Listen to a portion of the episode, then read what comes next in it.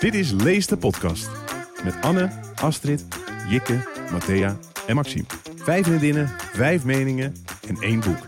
In deze aflevering bespreken ze Daar waar de rivierkreeften zingen. Geschreven door Delia Owens. Welkom, daar zijn we weer. Inderdaad, dat is het boek wat we gaan lezen. Maar allereerst dan gaan we het natuurlijk even hebben over hoe het met elkaar gaat. De zomer is begonnen, we zitten bij Jikke thuis. We horen de vogeltjes op de achtergrond. Dus uh, zijn we daarvan aan het genieten. En een beetje zon op het balkon. En uh, hoe gaat het met jullie, As? Gaat heel goed. Ja, ik geniet er wel van dat de zomer uh, zo goed als begonnen is. Al was gisteren de langste dag van het jaar, dus dat is een beetje jammer. We gaan alweer terug. We weg terug. Oh, ja. Maar ik heb uh, de eerste stranddag gehad. En uh, ja, heerlijk. Fijn, heb je nog gelezen? Zeker. Op het strand? Ons boek? Uh, nee, dat niet. Want ik was met mijn kleine nichtje. Dus oh, ja, dan heb je genoeg entertainment. Dan kan je niet even rustig lezen. Ik heb nee. precies één bladzijde lezen. En dan steeds weer opnieuw begonnen. Omdat je dan denkt... Wat nou, ik had hem niet eens mee. Oh. Nou, Matthea daarentegen kan, kan, kan zich heel goed focussen te midden van kleine kinderen. Ja, ik heb vandaag uh, behoorlijk uh, wat afgelezen. Als het stoplicht brood ging, taxi heen, taxi terug, poldersport, hoppa, en we gaan we door. Het was weer een race tegen de klok, hè dames? Hoe krijgen we het voor elkaar? Oh, ik dacht ja. dat we van het vorige boek heel veel geleerd hadden. Lekker in een moment, ja. tijd voor jezelf. Ja, maar je moet toch tijd nee. hebben.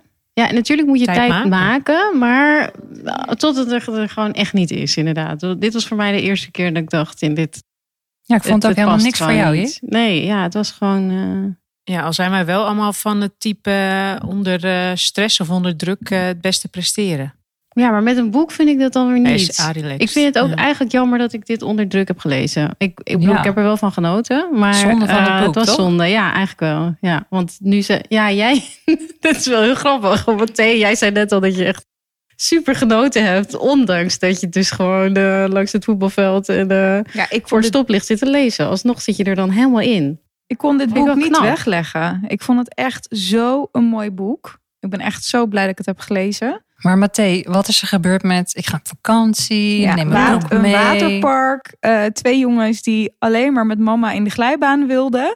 Uh, wat je zegt. Kijk, As nam hem ook niet mee naar het strand. Dus het ging tijdens de vakantie toch. Ik had hem mee. Ik nam hem ook elke dag weer mee. Maar het ging niet helemaal goed. Nee. Je was te land, te zee en in de lucht. Precies, ja. maar met je neus tussen de alles. Ik heb nog geprobeerd in een parachute te lezen. Maar dat was geen succes. ik zag toch die schildpadden, weet je, in de zee. Ik denk, ja, daar moet ik ook naar kijken. Dus, uh... Had je misschien een luisterboek weer uh, kunnen doen? Ja. Want het ja. was zo goed bevallen. Heb jij niet een stuk geluisterd? Ja. Ik ben begonnen met lezen, met e-book. En uh, dat ging niet snel genoeg.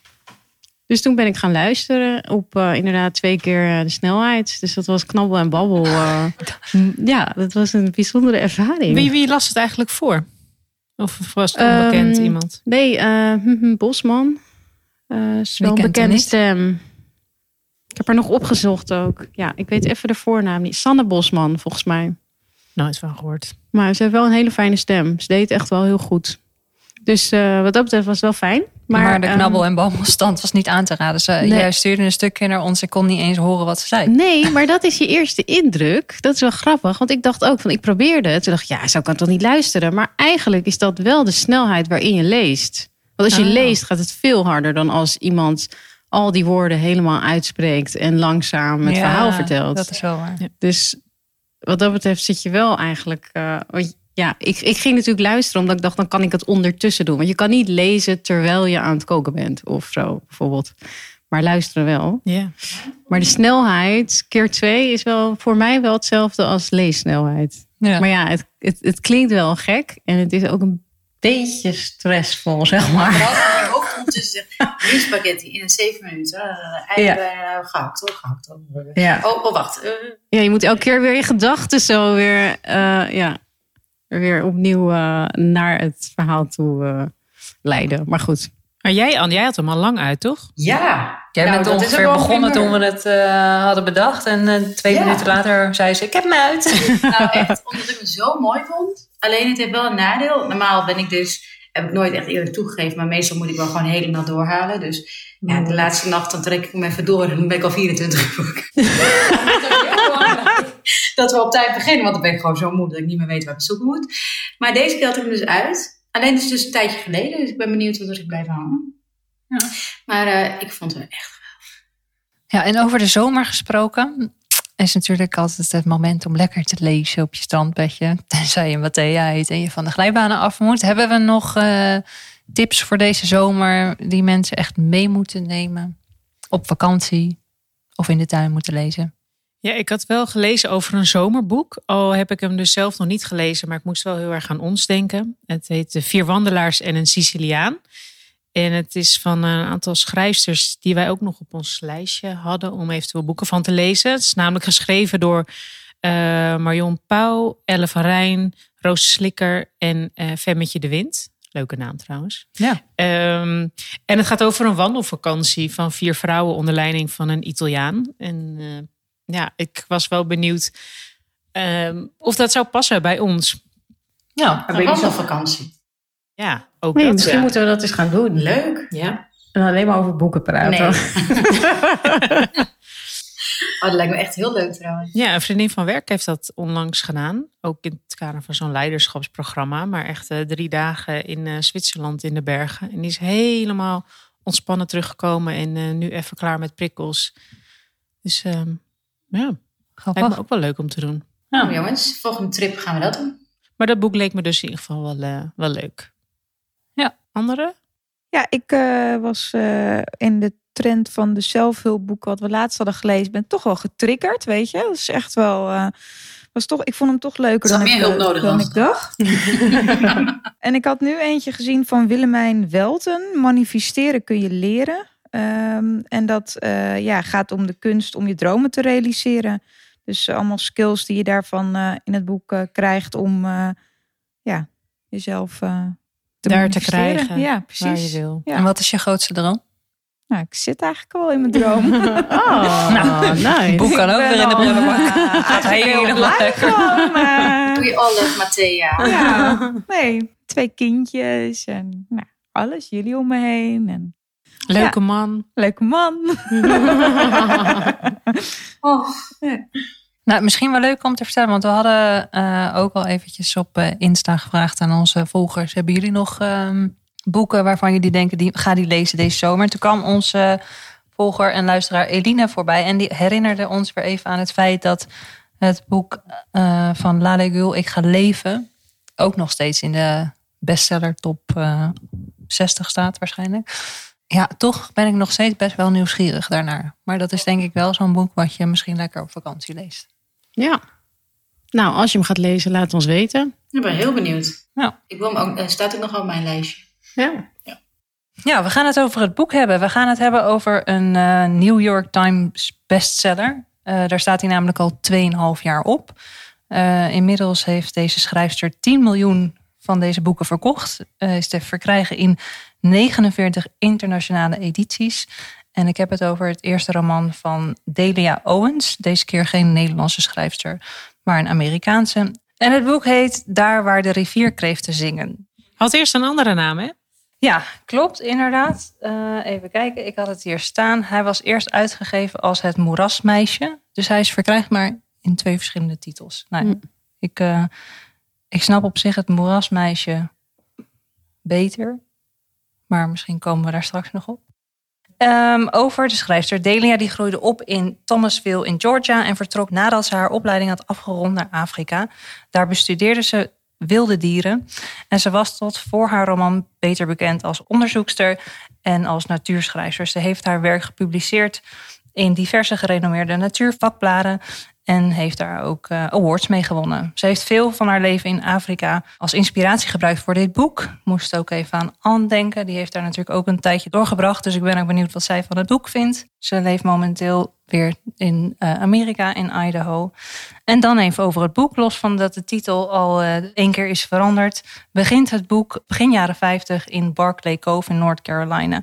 Er gaan al jarenlang geruchten over het moerasmeisje. Zij heet Kaya, dat is haar roepnaam geworden, en groeit op met familieleden die haar op den duur één voor één zullen verlaten op het moeras vlakbij een vissersdorp. Zij is zelden tot nooit buiten de grenzen van dit moeras geweest en voelt zich hier dan ook het meeste thuis. Daarbuiten wordt ze door iedereen met de nek aangekeken. Men wil echt niets van haar weten. Het moeras is waar ze alles over het leven leert. Wanneer zij zich van kind tot jongvolwassen vrouw ontwikkelt, raakt ze steeds meer geïnteresseerd in het andere geslacht. Twee jonge mannen uit de stad raken gefascineerd door haar schoonheid. En wanneer een van hen dood wordt aangetroffen, valt de verdenking onmiddellijk op Kia. En dat is eigenlijk waar het hele boek een beetje om draait. We hebben het boek op Anna na dus allemaal net uit. Volgens mij alle, alle vier Vandaag. hebben we dit vandaag uitgelezen. Matthea, hoe heb je dit boek dichtgeslagen? Ja, huilend. Ja. ik heb dus vandaag drie keer gehuild. Tussendoor. ik vond het echt zo mooi. Ehm, ja, ik, eh, het boek is ook in verschillende delen opgebouwd. Het gaat eerst een beetje over, krijg je een indruk over haar en haar familie. Ik vind het zo heftig dat ze zo'n klein meisje al zo verschrikkelijk, ja, een verschrikkelijke jeugd heeft, om het maar zo te zeggen. Dat mensen elke keer maar weggaan en dat haar moeder dus als eerste vertrekt. En dat, dat ik dat dan lees en dat ik denk, nou, je, je, je leest het en dan denk je, het gaat fout. Maar je hebt nog een beetje de stille hoop. Ik had de hele tijd de hoop, oh, laat die moeder weer terugkomen. Ja. En dat gebeurde dus niet.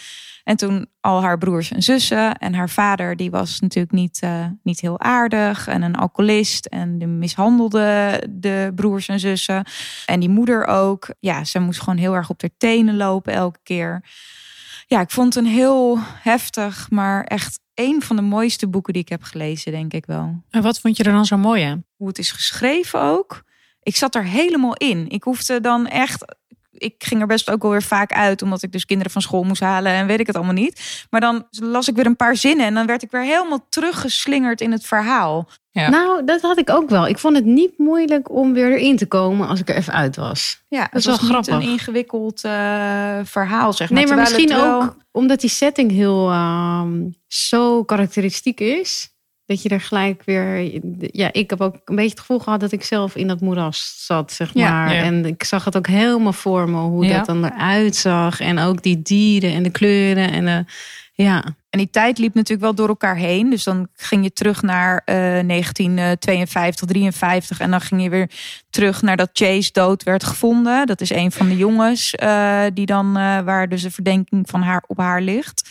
Dus het lopen wel twee verhaallijnen een beetje door elkaar heen. Maar het komt zo mooi samen dat, ja, ik vond het echt eh, heel erg mooi. Wat jij had, had ik ook, Jik. Dat je echt helemaal jezelf inbeeldt dat je daar zelf loopt. Maar ik vond, toen ik daarover nadacht, dacht ik ook... je- Ze, ze benoemt echt niks eh, wat te maken heeft met de wereld waar wij in leven. Dus er is ook niet een nummer wat voorbij komt wat ze, waar ze naar luistert of zo. Alles is zo goed beschreven en...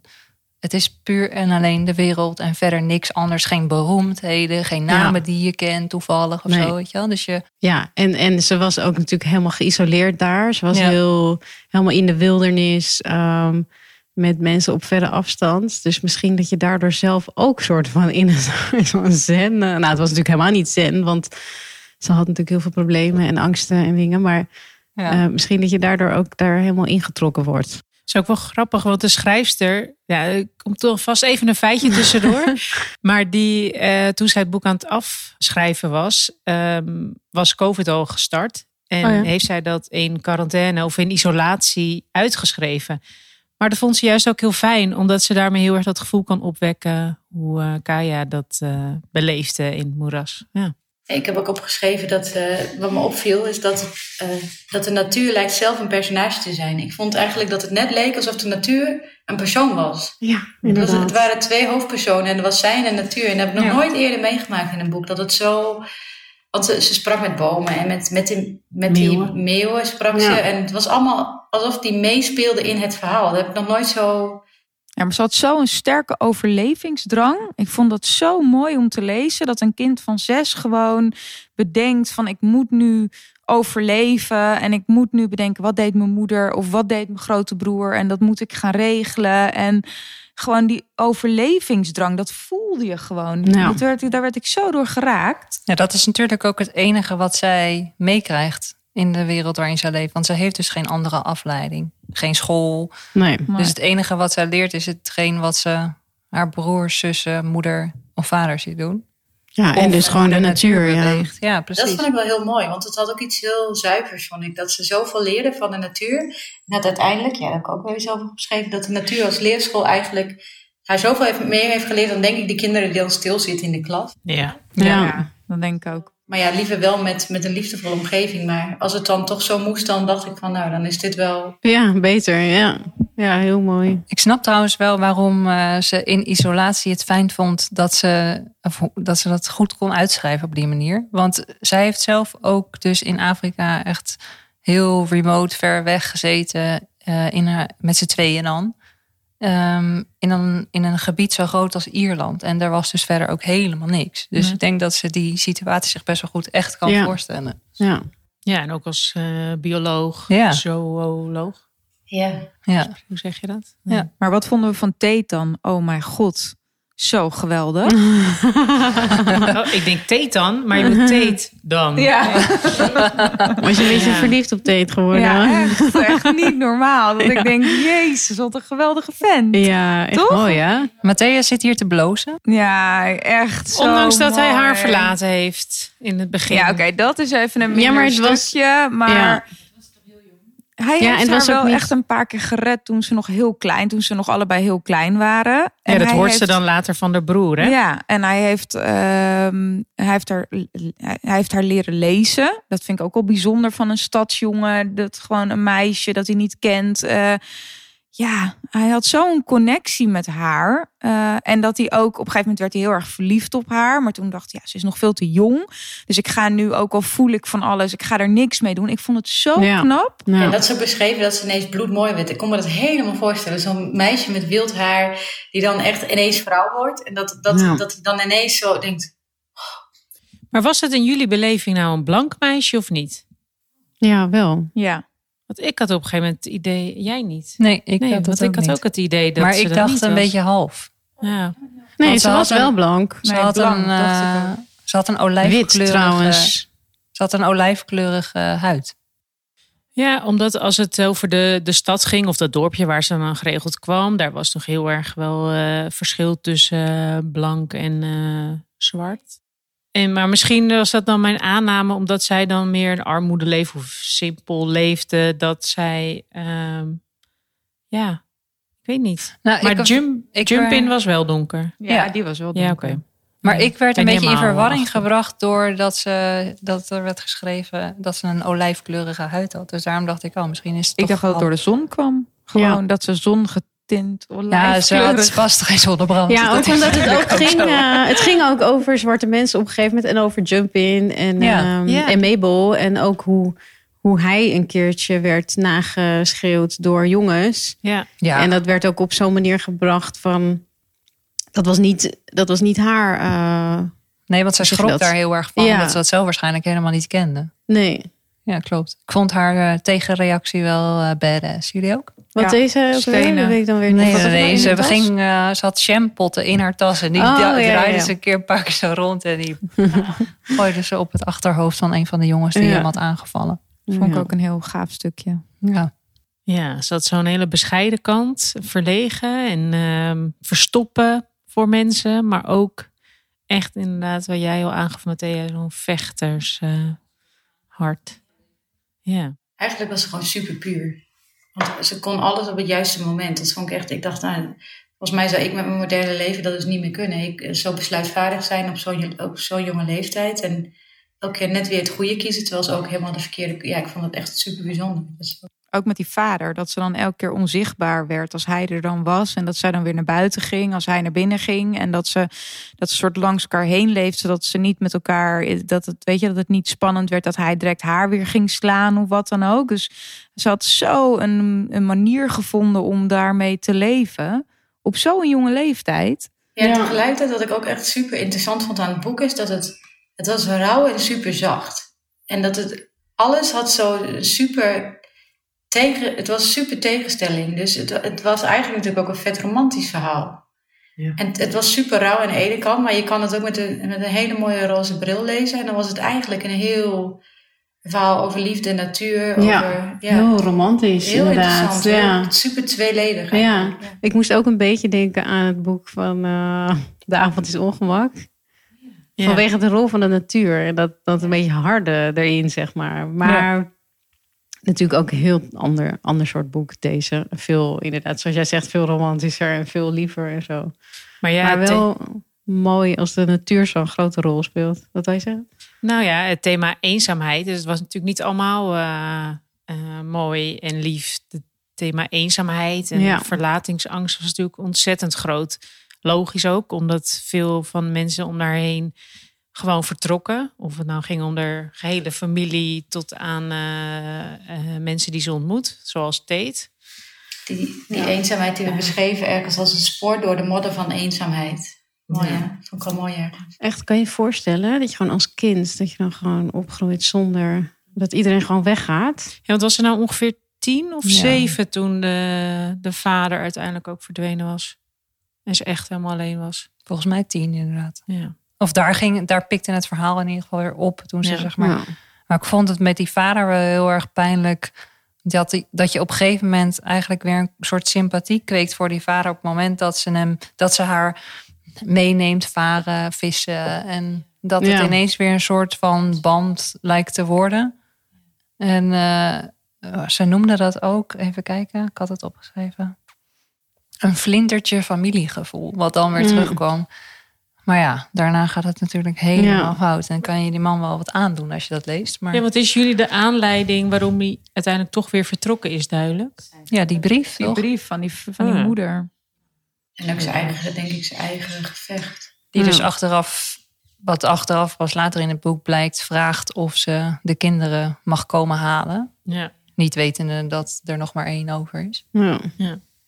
Maar de- vanaf dat moment gaat hij door het lint. eh, is hij weer dagen, nachten weg, zuipen. Ik, vind het, ik vroeg me heel sterk af, wat is er met die mensen, met hun gebeurd, in hun jeugd? Want ik dacht wel, dat, dat is niet zomaar dat die man zo doet, of dat die moeder zo acteerde. Dus dan kwam het einde wel een beetje van die moeder kwam het naar voren, Ja. wat er dan met de moeder aan de hand was. Toen dacht ik, oh, wat voor een pijn zou die vader hebben gehad? Want die doet, je wordt ook niet voor niks zo. Dus ik ging alweer een generatie terug. Wat zou Was er daar nou nog een boek over schrijven misschien? Maar dat is wat we nu in hedendaagse tijd ook gewoon heel erg leren. Dat angsten of ja, bepaalde trauma's natuurlijk, dat je die kan overnemen van eh, eerdere generaties. Ja, maar je kan jezelf ook overwinnen. Want welke moeder laat zijn kind nou met zes daarachter? Nou, ik werd helemaal niet goed toen ik nou, ik las. geloof dat Nou, kwam wel Kaya begreep het zelf uiteindelijk Ja, ook, dus dat is echt toch? een psychisch probleem. Ja, want zij kwam. En, en op een gegeven moment was ook aan het eind dat zij zelf, eh, Kia zelf, dat zij ook begreep van. Oh ja, ik snap waarom ze is weggegaan. Ze kon helemaal niet blijven. Want dan was ze misschien wel eh, vermoord door haar eigen man. Of, eh, Ja, maar dan zou of, ik altijd nog of wat kind dan mee ook. hebben Of misschien had ze de kinderen wel iets aangedaan. niet Omdat ze zeggen. gewoon psychisch helemaal niet oké was. Nee, want ze had volgens mij zelfs een psychose of zo. Ja. Dan ben je helemaal niet in staat om überhaupt na te denken. Nee, Nee. oké, maar ik, ja, ik vind wel dat ze gewoon het kind mee moeten nemen. Het is een boek, hè? I don't care. Je zegt een psychose, whatever. Ik ben helemaal van neem dat kind mee. Laat het kind niet achter. Echt gewoon janken toen ook weer van het arme kind. Ja, kinderen. Ja. Jodie was er natuurlijk ook nog toen die moeder wegging. Ja. Ik dacht meer van, oh ja, er zit altijd nog weer iets anders achter dan dat wij weten. En als, daar kun je niet over... Dat vind ik altijd als ik dit soort dingen lees. denk ik, jee, maar ben- heb ik weer snel geoordeeld. Nou, op een gegeven moment gaat het er toch ook over dat zij, eh, die moeder, zeg maar, als het ware meegelokt is hier naartoe, denkende dat er een hele mooie toekomst voor hun ligt. Ja. En Ja. dat hij eigenlijk wordt weggezet als, nou niet het alfa-mannetje zoals ze dat beschreef, maar een soort van de net niet helemaal gelukte, dus moet compenseren met Ja. ander gedrag. Dus zo omschreef ze haar vader en haar moeder. Dus haar moeder is denk ik wel echt daar helemaal knettergek geworden. Ja, dat de denk ik ook. Ik denk niet dat dat heel ingewikkeld eh, de generaties ervoor is. Ik denk gewoon dat ze de verkeerde man heeft getroffen en haar allerlei dingen heeft beloofd en dat uiteindelijk niet goed ging en dat ze uiteindelijk ik kan me echt, nou ja, het lijkt me verschrikkelijk als je dan op een plek komt in, waar het niet goed is en je kinderen en je man een alcoholist en je kinderen slaat en dat soort dingen. Ja, daar ben ik. Ik heb daar een andere mening over. Ik, eh, ja, echt. Nee, ja, maar, dat, maar, nee, maar dan kan je jezelf nog steeds je gedrag aanpassen. Ik vind dat geen excuus. Nee, het is niet per se een excuus, maar het is wel een verklaring misschien. Ja, dat, ja maar ja, ik, ik zie dat. eh, nee. Maar zij had dan gewoon eerder weg moeten gaan. Met ja, de kinderen. met de kinderen. Gewoon wegwezen. Om eh, niet. eh, Niet zo ver laten komen dat hij haar helemaal gek heeft gemaakt. Ja. Maar het patroon herhaalt zich toch ook een beetje. Want ehm, waar die vader volgens mij ook van alles wat beloven. Hè? In een huis, in een moeras, et cetera. Dat gebeurt natuurlijk dan ja, ook. hij had bij- oorlogstrauma's. Sorry. Ook dat. En dat gebeurde natuurlijk ook met eh, Kaya of Kia. Zeggen we nou Kaya of Ja, Kia? het is, ik, vind Kia, hoorde ik in een het luisterboek zeiden ze maar- Kia. Ik Oh, hoorde jullie nou, net inderdaad Kia Kaya zeggen. Oké. Dus Kia, nee, die heeft dat dan natuurlijk, eh, die maakt dat ook mee met die chase, waar ze dan ook niet kan inschatten in eerste instantie hoe niet oké hij voor haar is. Want ja, ze weet niet wat hij doet buiten het moeras als ze hem niet ziet. En dat ze eigenlijk ook al voelt in het begin van, hmm, dit zit niet goed, hij eh, gaat te snel of ik voel me hier niet oké bij. Maar ja, die drang naar iemand om erheen, eh, liefde is zo groot dat ze het toch maar laat gebeuren. En dat, misschien is dat ook wel zo voor die moeder zo. Ja, maar je verlegt misschien ook wel je grenzen. Weet je, als je denkt, nou, dit komt één keer voor. Ja. En zo gaat het natuurlijk vaker met huiselijk geweld ook in deze tijd. Maar was het ook niet dat die man uit de oorlog kwam? Dat hij dus, Ja. ja. ja. En dan denk ik, oh, dat- dat is dus ook nog wel een thema wat een beetje zo doorcijpelt. Waar we het dan eigenlijk, waar je nooit zoveel over hoort. Maar wat een pijn. En met oorlogstrauma's, dan denk ik, ja, mogen we ook wel van Maar dat had die broer van haar uiteindelijk ook. Dus die terugkwam. En die heeft uiteindelijk, die hoop ik niet dat hij zo tegen zijn gezin doet. En die had ook een oorlogstrauma. Alsof het echte mensen zijn. Ik hoop dat hij wel een lieve vader is. Ja, gaan we nog even aan Delia Nee, maar dan denk ik wel van wat het thema zeg maar, is zo actueel. Want er gaan nu nog steeds jongens van 18 gewoon Ja. naar de oorlog. En dan Ja. denk ik, we weten dat nu. Dus eh, heeft ze in dit boek dat ook nog willen aanstippen. En is dat dan zo een soort van... Dat stroomt er wel een beetje doorheen. Dus ik heb nog wel gedacht van jeetje, dat is, dat is dan 50 jaar geleden of zo. Wanneer was dit boek? 66? Ja, hij had in de tweede, die vader had in de Tweede, oorlog, eh, tweede 70 Wereldoorlog jaar. gevochten. En die jongen, die Jody in eh, Vietnam. Ja, en we weten wat voor trauma's daar zitten. En nog steeds gaan die jongens op die leeftijd. En dan denk Ja. ik, oh Ja, ja. echt erg. Ja. Ik heb wel het idee dat er tegenwoordig meer aandacht voor is. Ik denk dat dat vroeger helemaal niet was. Je ging erheen en je kwam terug en dat was het. En ja. Nu weten we wat de effecten daarvan zijn. Dus. Maar het feit dat, eh, dat ze leert lezen. Lezen is natuurlijk eh thema hier. eh, dat verrijkt wel enorm haar leven. Ja, inderdaad. Ik vond dat wel heel leuk om te lezen steeds. Door Tate. Door Tate, jou of Eve. Matthé is een beetje verliefd. Ik kon wel gillen toen met die chase. Ik zat dus echt letterlijk in het boek toen ze naar dat hotel ging. Niet met die chase. Niet met die chase. Zo'n vieze gluipert ook, die gozer. hè? Ja, er- Tussen vier jongen. deuren en hoppa, erbovenop. Ja. Terwijl ze ook zegt van ja, ik had het al aanzien komen. Vreselijk gozer, ja. Ja, en ook wel echt eh MeToo-momentjes. Ja. Wel erg, hè? Ik vond dat ook wel zo'n moment dat hij, weet je, dat hij zei van, nou, come on, eh, Kia, we hebben, Het is nu we hebben tijd nu lang genoeg. Ja. gehad. Wat een, eh, wat een druk ze- een man dan op, eh, op een vrouw of meisje kan zetten, hè? En dat ze dan denkt van, nou, oké, En ze was alleen. Ze had niemand om het erover te hebben. Ja. Of van, is dat normaal? Of... echt verschrikkelijk. Ja, en hoeveel er dan ook in zo'n dorp geluld wordt. Dat iedereen dan ook gewoon weet dat zij met elkaar rommelden. Hè? Die En dat ze alleen was. dat ook weer. Dat niemand ingreep dat zo'n meisje alleen is. Dat, vind, denk ik Dat vond ik heel mooi. In dat, eh, volgens mij was dat het slotpleidooi van, ehm, van de rechtszaak. Van Tom. Dat, ja, dat hij zei van... ehm, jullie denken allemaal dat zij zo gek is. Maar misschien hebben jullie haar gek gemaakt. Of eh, ja, door haar niet in, in je armen te sluiten als, eh, als community, zeg maar. Of Ja. als dorp. Door haar altijd buiten of eh, links te laten liggen. Is zij zo geworden. Niet andersom. Daarom vond ik het ook zo mooi dat toen ze bij eh Jumpin en Mabel terecht kwam, dat daar dozen met kleding en eten klaar stonden. En natuurlijk Ja. ook de, de vrouw uit de supermarkt die haar, haar extra kleingeld teruggaf. Ja. Dat er wel wat goede mensen om haar heen waren, gelukkig. En dat ze die ook zag als vrienden en familie. Ja. Maar het is natuurlijk echt uiteindelijk een vrij triest gebeur. En dat gebeurt waarschijnlijk nog steeds. Ja. Dat, we uit, dat we mensen uitsluiten om waar ze vandaan komen, hoe ze eruit zien. Ja. Of je nou wil of niet. Ik denk dat dat toch gewoon in je als mens zit. Ja, Hoe dan moet kut je het mensen veroordelen, zeg maar. En dan erachter komen van, oh, dat was dus eigenlijk En je doet het natuurlijk ook, bio, dat is biologisch, maar je, daarna de stap maken dat je daar ook actie op onderneemt. Je kan ook daarna denken, oeh, dat was verkeerd. En dan doen we natuurlijk, dat is natuurlijk wel de kunst, dat je dan het... Ja, maar dat ook niemand van die school dan ingreep of zo. Weet je, dat meisje komt de eerste dag, die voelt zich natuurlijk al hartstikke verlaten. En niemand let dan extra op haar om te kijken hoe die klasgenoten met haar om. Dat vind ik ook weer zo, ja, Ja. zo sneu. Mhm. Is dat echt geen mazzel? Nee.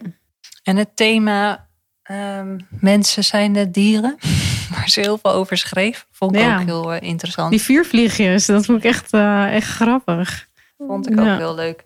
Want Zij zij, levendig. zij eh, is in haar echte leven dus ook helemaal gefascineerd over eh, een sociale groep van mammals. Dat is waarschijnlijk Engels. Ehm, en dat is dan een, een dierlijke groep vrouwen. En, ehm, en die blijven, wat er ook gebeurt met mannetjes, soort van altijd als kliekje bij elkaar. Dus er kwam toch op een gegeven moment ook eh, voor in het verhaal dat haar moeder en die Mabel had gezegd van probeer altijd vriendinnen om je heen Ja. te creëren. Ja. En dat dat altijd je vaste basis is. Ja. Hé hey, meiden, zitten we hier toch... eh, Zitten lekker hè, Hebben samen. elkaar. You Dat zijn wij. we're nothing but mammals. Oh ja. Maar natuurlijk ook die vuurvliegjes. ja. Maar dat was natuurlijk ook echt haar leerschool. Dus alles wat zij in de natuur zag, extrapoleerde zij. Wat wij dan leren op school. Zij deed dat vanuit de natuur. En extrapoleerde zich, oh, oh, dan moeten we dat zo doen. Of we doen het nu nou als vuur. ja, maar zo werkt het natuurlijk ook eigenlijk. Want ja, Ja, je repliceert gewoon wat je ziet. Ja. Ja. ja. ik vond het ook wel heel mooi. Ze, ze, ze gebruikte ook heel veel dingen uit de natuur. Want ze zei bijvoorbeeld... De zon lag als warme deken om haar schouders. En lokte haar diepe moeras in. Het land ving haar op. Verdriet dat wegcijpelt als zand, water in zand. Natte aarde en een moeras werd haar moeder. Dat is toch echt gewoon... Dat is toch briljant? ja ik, ik vond het ook zo dat, dat eh, die hele setting, dat ze daar een soort van helemaal deel van uitmaakte. En dat ze echt eh, ja, omarmd werd door dat moeras, dat, dat idee. Hebben jullie daar ook nog eh, dingen van geleerd? Het ging wel heel veel over heel specifieke dingen, toch? Bij heel veel dingen dacht ik echt van, oké, wat is dit? Ik heb uh, even opgezocht. Ik dacht, oh, ze dat heb ik me de hele tijd afgevraagd Grutte. en ik heb het niet opgezocht. Ja, het is gewoon een soort graan, boekwijd. eh, ik had er dus hele zin in. Dingen. Ze zei toch op een gegeven moment Oh, aan het daarna? einde Ja. van ja. En eh, tegenwoordig noemen ze dat polenta. Ja, heel ziek. ja, ja, En betalen ze er 6 dollar voor. Ja, klopt. Ja. Inderdaad, allemaal van die woorden en ingrediënten. Dat je denkt, het, het zal Wat wel in de dit? natuur groeien. Ja. Ja, ik vond het ook wel weer heel speciaal. Want daardoor leeft hij ook wel meer in die tijd of zo. Ja, klopt. Gezouten mosselen pasta op een cracker, jongens. Ja, Hey, ja. eh, gaan we die proberen? Ja, je wordt wel creatief met eh, weinig middelen. Ik heb dat Ja. ook als ik in mijn koelkast kijk en denk, oh, ik had wel iets kunnen halen. Dan denk je, oh, maar ik kan ook gewoon wat maken met wat ik heb. En dan eh, komt er ook wat lekkers uit. Ja, het is een beetje vergelijkbaar. Ja. Heb ik pasta? Heb ik iets van kruiden? Ja. We zeggen toch ook in het Nederlands goede grutten. Zou dat dan daar ook vandaan komen? Oh ja, En weten de luisteraars dat misschien? goede grutten. Goeie grutten. Is dat iets uit... eh, Twente. ja. Nee, ik denk het niet. Toch? Jullie kennen het ook? Ik ken het wel, ja. Goeie grutten. Ja, het is wel iets ouderwets, maar het bestaat wel. Ik ga het even opzoeken. Past je wel als je het zegt, Jik? Hè? Is er verder nog een moment uit het boek wat heel erg bijgebleven is of je aangegrepen heeft? Ik bedoel, Matthea heeft drie keer gehuild. Ja. Hebben jullie gehuild? Nee. Niemand? Echt? Nou, een Nee. beetje een soort van. Nou, weet je wat ik wel heel erg had? Dat zeg maar, naarmate die uitspraak dichterbij kwam van de jury, wilde, eh, merkte ik dat eh hartslag omhoog ging. Omdat Ja. ik echt dacht, wat gaat het worden? Wat gaat het worden? Oh, ja. Dus daar, maar huilen niet echt. Meer gewoon een soort van opluchting en ook wel een soort van wat triest, maar niet, Maar niet echt verdrietig. full on huilen. Nee. Ik was vooral echt bewon- vol bewondering omdat ik dacht, oh, dat is nou mindful hoe zij leeft. Ze heeft aandacht voor alles wat er om zich heen gebeurt. Ze is echt gewoon één met de natuur. Ik denk dat er heel veel mensen eenzamer zijn dan zij. Want zij had wel familie in de natuur. Ze, ze was echt één. En wij, ik denk dat wij heel vaak ons eenzaam voelen omdat we helemaal niet meer zien wat voor wonderen er gebeuren. Maar zij vond, zich op zelf, of zij vond zichzelf wel opeens heel eenzaam in, Ja. het, in het midden van het boek. Dat ze echt het gevoel had dat niemand naar haar omkeek. En ook met die natuur was ze niet helemaal toen eens. Ze, was, ze zei ook volgens mij echt dat ze eenzaam was. En vooral toen Tate haar had verlaten onverwacht. toen was ze van het padje. Ja, toen kwam de klap natuurlijk nog een keer binnen. Ja, Een soort van driedubbel, omdat ze deze keer helemaal niet had aanzien komen. ja. Zielig, hè? Maar ja, om op je vraag terug te komen, welk moment eh, me aangreep, dat was inderdaad wel de start van de rechtszaak. En dan ook te beseffen dat het dan zo'n klein dorpje is. En dat de jury dan ook bestaat uit mensen die je dan van gezicht kent of persoonlijk kent uit het dorp. Dat is echt, nou, daar kan je geen voorstelling van maken, überhaupt met zo'n eh, jury, wat wij natuurlijk in Nederland niet kennen, maar best wel pittig. Maar die advocaat deed het zo geweldig. En je gaat ook echt geloven natuurlijk.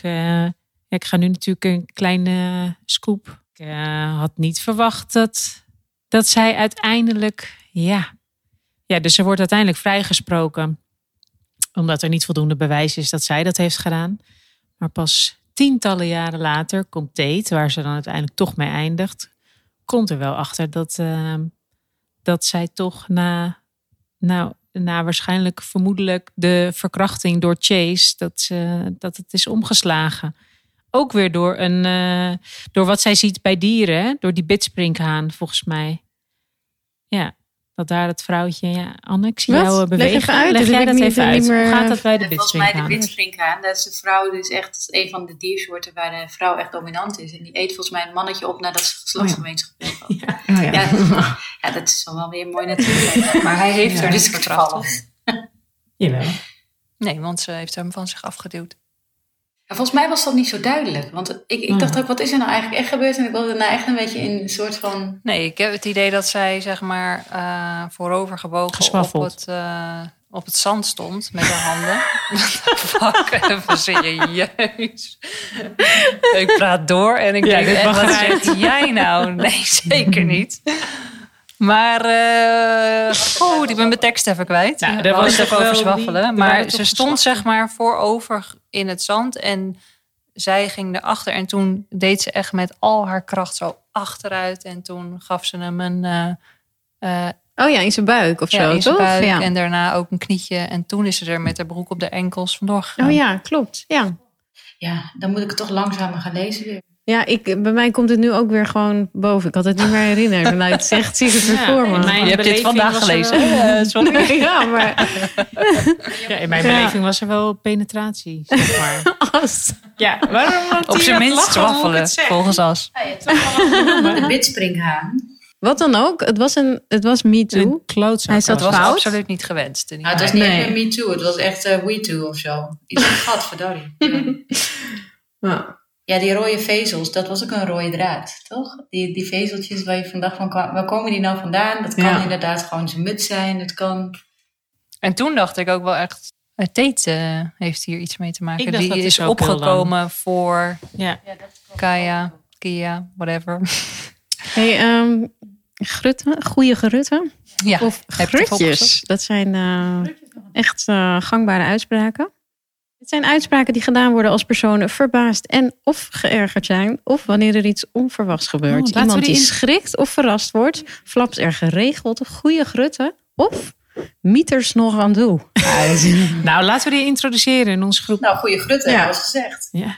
hey, maar ik vind het wel Ik grappig. ik ook Athenooien, maar eh goede grutjes is ook goed. dat ken ik dan weer niet. Athenooien, Nee. dat is Amsterdams. Hmm. Ja, daar woon je toch al je hele leven. Maar Ja. Ja. Nee, ik, ken het niet. Ehm, ik vond het wel grappig, want wij zijn dus allemaal heel enthousiast over het boek. En eh, het is echt een succes. Maar ik las ook wel wat negatieve recensies. Daar moest ik wel om lachen. Misschien, ik ben benieuwd of jullie erin kunnen vinden. Ik ga er even eentje, eentje voorlezen. Ik zal niet zeggen van wie. Maar Halverwege- het is een meisje. Nee, grapje. Eh, halverwege het boek ben ik gestopt omdat ik er gewoon niet doorheen kom. Het verhaal is zo ontzettend traag. Voor mijn gevoel Oh. lees ik steeds hetzelfde. Alleen de hoofdpersoon is steeds wat ouder. Door dit boek heb ik gewoon geen zin meer in lezen. Ik kan dit gewoon voorlezen, want ze gaat natuurlijk onze podcast toch niet lezen. Nee. Toch niet luisteren. Ehm, Wie was het het? gebeurt- Nee. namen gebeurt- en rugnummer. Het gebeurt niet vaak dat ik een boek aan de kant gooi, maar voor nu is het de beste beslissing. Jezus, wat een Nou, ik kan helemaal niet Deze persoon Nee, gek, heeft hè? geen diepgang. Nee. Maar ja, ja. Het ging waar juist ligt het dan snel. aan? We hadden lekker compacte hoofdstukken, niet te lang, want dat vind ik wel er, was, er was nog iemand. Ja. Oké. Eh, blijkbaar niet mijn ding. Ik begrijp de hype over dit boek niet goed. Had het gevoel in een soort Blue Lagoon te zijn beland. Een coming-of-age pubersprookje in the middle of nowhere. Bovendien bij vlagen ongeloofwaardig. Zoals dat niemand van het grote gezin zich decennia lang of never nooit meer bekommert over hun in een mora- moeras eh, achtergelaten kind. Als lezer moet je je sowieso veel kunnen inbeelden of verliefd nemen. Het einde is voorspelbaar vanwege de vrije natuurbeschrijvingen met scherpzinnige observaties en een op de valreep spannend beschreven slotfase toch nog een zeer magere 3, 2,6 sterren. Van de vijf? Ja.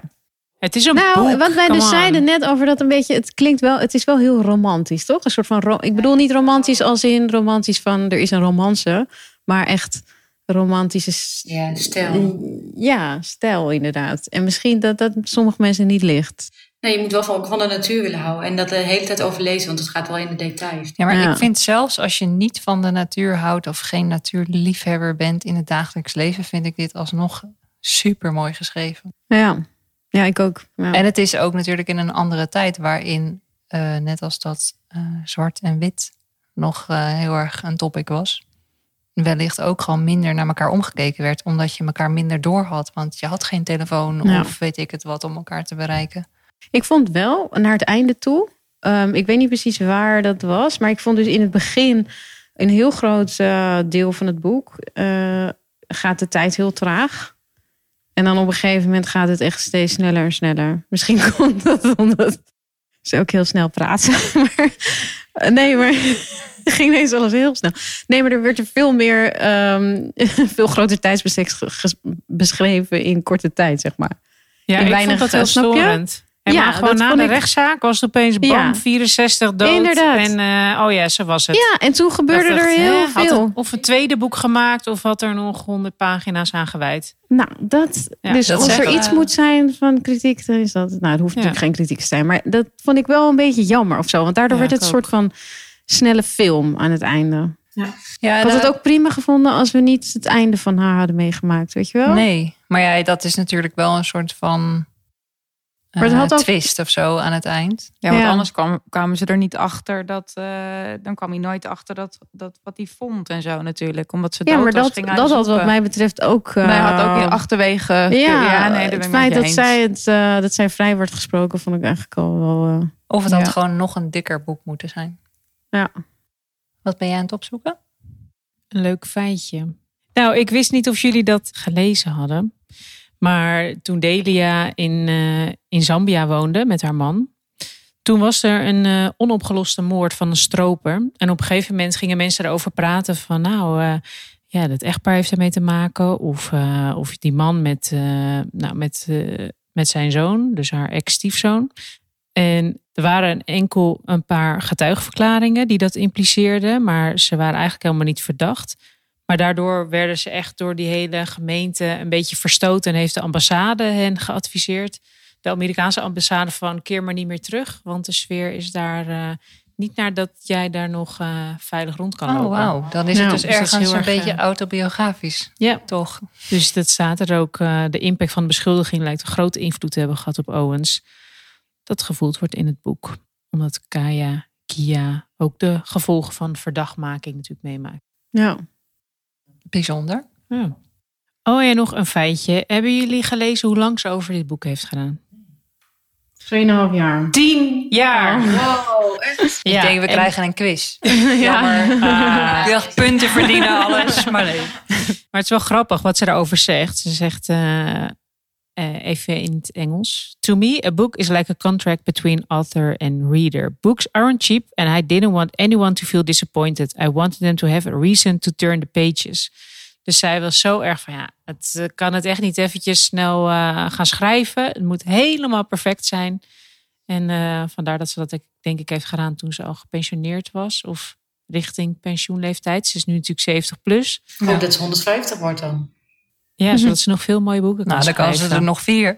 Please, Oh nee, iets meer. Ja. take well care of yourself, please. Maar ander feitje over het schrijfproces. Want ze heeft eerst een soort andere versie geschreven. Dat las ik in het dankwoord. Dus iemand bedankte ze van, eh, be- eh, nou ja, voor het proe- proeflezen en zo. Omdat het blijkbaar ook een hele andere versie is geweest. Of dat, er, dat ze twee versies had. En Mhm. Dus ze heeft inderdaad wel echt flink haar best gedaan. Wauw. Het is echt een prachtig boek.